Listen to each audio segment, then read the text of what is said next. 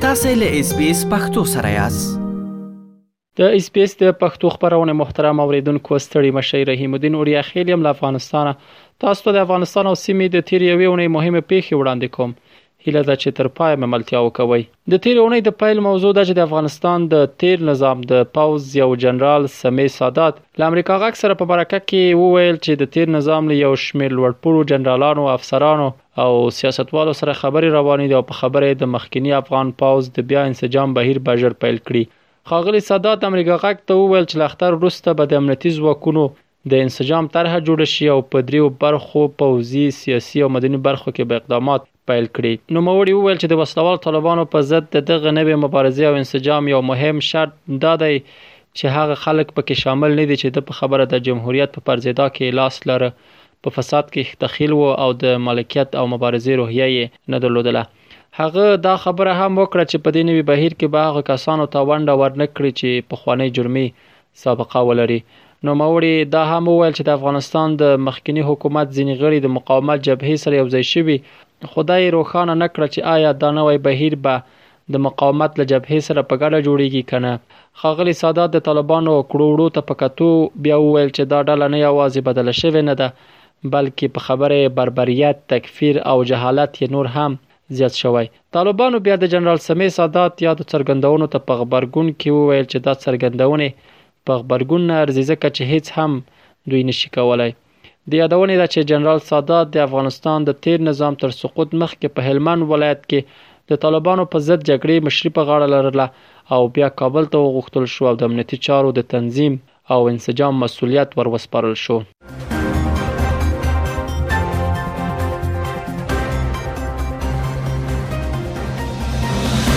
تېره اونۍ هند او امریکا له وسلوالو طالبانو وغوښتل چې پرې نږدې افغانستان بیا د ترهګرو روزنځای شي. دا څرګندونې د متحده ایالاتو د دفاع وزیر لوید استین او د بهرنیو چارو وزیر انتوني بلینکن د هند امریکا دوه پلس دوه وزیرانو په نامه یوه جوړه شوې غونډه کې د اپریل یوولسمه د هند له بهرنیو چارو وزیر جي شنکر او دفاع وزیر راجنات سنګ سره وکړې. دواړو لوریو همداراز په دې ناسته کې په افغانستان کې د یو پراخ بنسټه حکومت په جوړېدو ټینګار ترڅنګ ژمنه وکړه چې د افغانستان په اړه به نږدې سلا مشورې ولري تر څو ټول افغانان یوه ډیره ټول شموله او سوله ییزه راتلونکې ولري. هغوی همدا شان د افغانستان اړمړو خلکو ته د مرستو د رسولو په اړه هم وغږیدل. له دې د مخه د متحده ایالاتو، اروپایي ټولنې او اروپایي هیوادونو استازو د یوه بیان په خپرولو سره ټینګار کړی و چې د افغانستان سره د بشري مرستو دوام د طالبانو په کړنو او نړیوالو مکلفیتونو ته د دې ډلې په پابندۍ پورې اړه لري.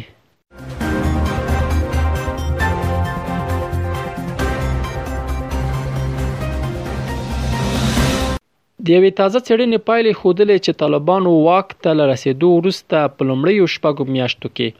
د تیر نظام 390 پوځیان او کارکونکي وژلي او یا هم لادرکه شوي دي دغه راپور چې د تېرې اونۍ د اپریل میاشتې دولسمه نیویارک ټایمز خپور کړ د هغو کسانو په منځ کې چې وژل شوي او یا هم لادرکه شوي د افغانستان د پخواني حکومت د نظامیانو کارکوونکي خپلوان هم شامل دي نیویارک ټایمز ویلي دا راپور دوو میاشتو په موده کې د افغانستان په بیلابیلو ولایتونو کې د نه خبریالانو پر مټ جوړ شوی او یو جامع څېړنه ده په راپور کې راغلي ول چې واک ته د طالبانو تر رسېدو وروسته هغوی د پخواني حکومت غړي تر نیولو وروسته ځورولي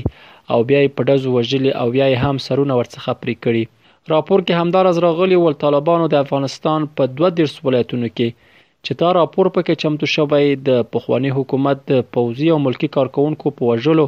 او لادرکه کېدو لاس پورې کړی دی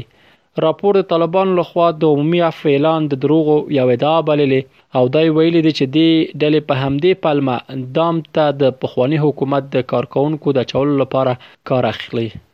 طالبانو بیا د نیویارک ټایمز دغه راپور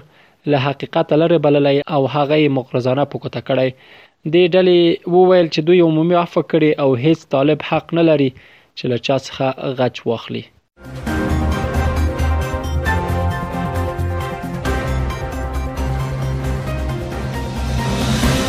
تېره اونۍ د فرانسې د پارلمان لسګونو غړو په یو لیک کې د دې هیواد له ولسمشر امانوئل مکرون څخه وغوښتل چې د وسلهوالو طالبانو پر مشرانو بندیزونه ولګوي په دې لیک کې د فرانسې له ولسمشر څخه غوښتل شوي چې د طالبانو پر مشرانو د بندیزونو له لارې دې پر دې ډلې فشار راوړل شي چې خپلې کړنې ژمنې په ځای کړي او په افغانستان کې د ښځو حقونو ته غاړه کېږدي. په دې لیک کې چې د فرانسې د پارلمان تر پنځوسو ډېرو غړو لاسلیک کړی دی راغلي ول چې طالبان باید نجونې پرېږدي چې ښوونځیو ته ولاړې شي، ښځو ته اجازه ورکړي چې کار وکړي او له کور نه له محرم پرته د دوی د وتلو مخه ونې نیسي. طالبانو نږدې اته میاشتې مخکې کابل ونیو او تر دې دمه یې تر شپږم ټولګي پورته نجونې نه دي پرېښي چې ښوونځیو ته ولاړې شي. طالبانو دا ژمنه کړې وه چې د وري په درېیمه به د ټولو نجونو او هلکانو ښوونځې پرانیزي، خو د نجونو په برخه کې یې دا ژمنه پر ځای نه کړه. د طالبانو حکومت چې تر اوسه هیڅ هیواد په رسمیت نه دی پیژندلی د نړیوالې ټولنې یوه اساسي غوښتنه دا ده چې بشري حقونه رعایت کړي په ځانګړي ډول د ښځو حقونو ته درناوی وکړي.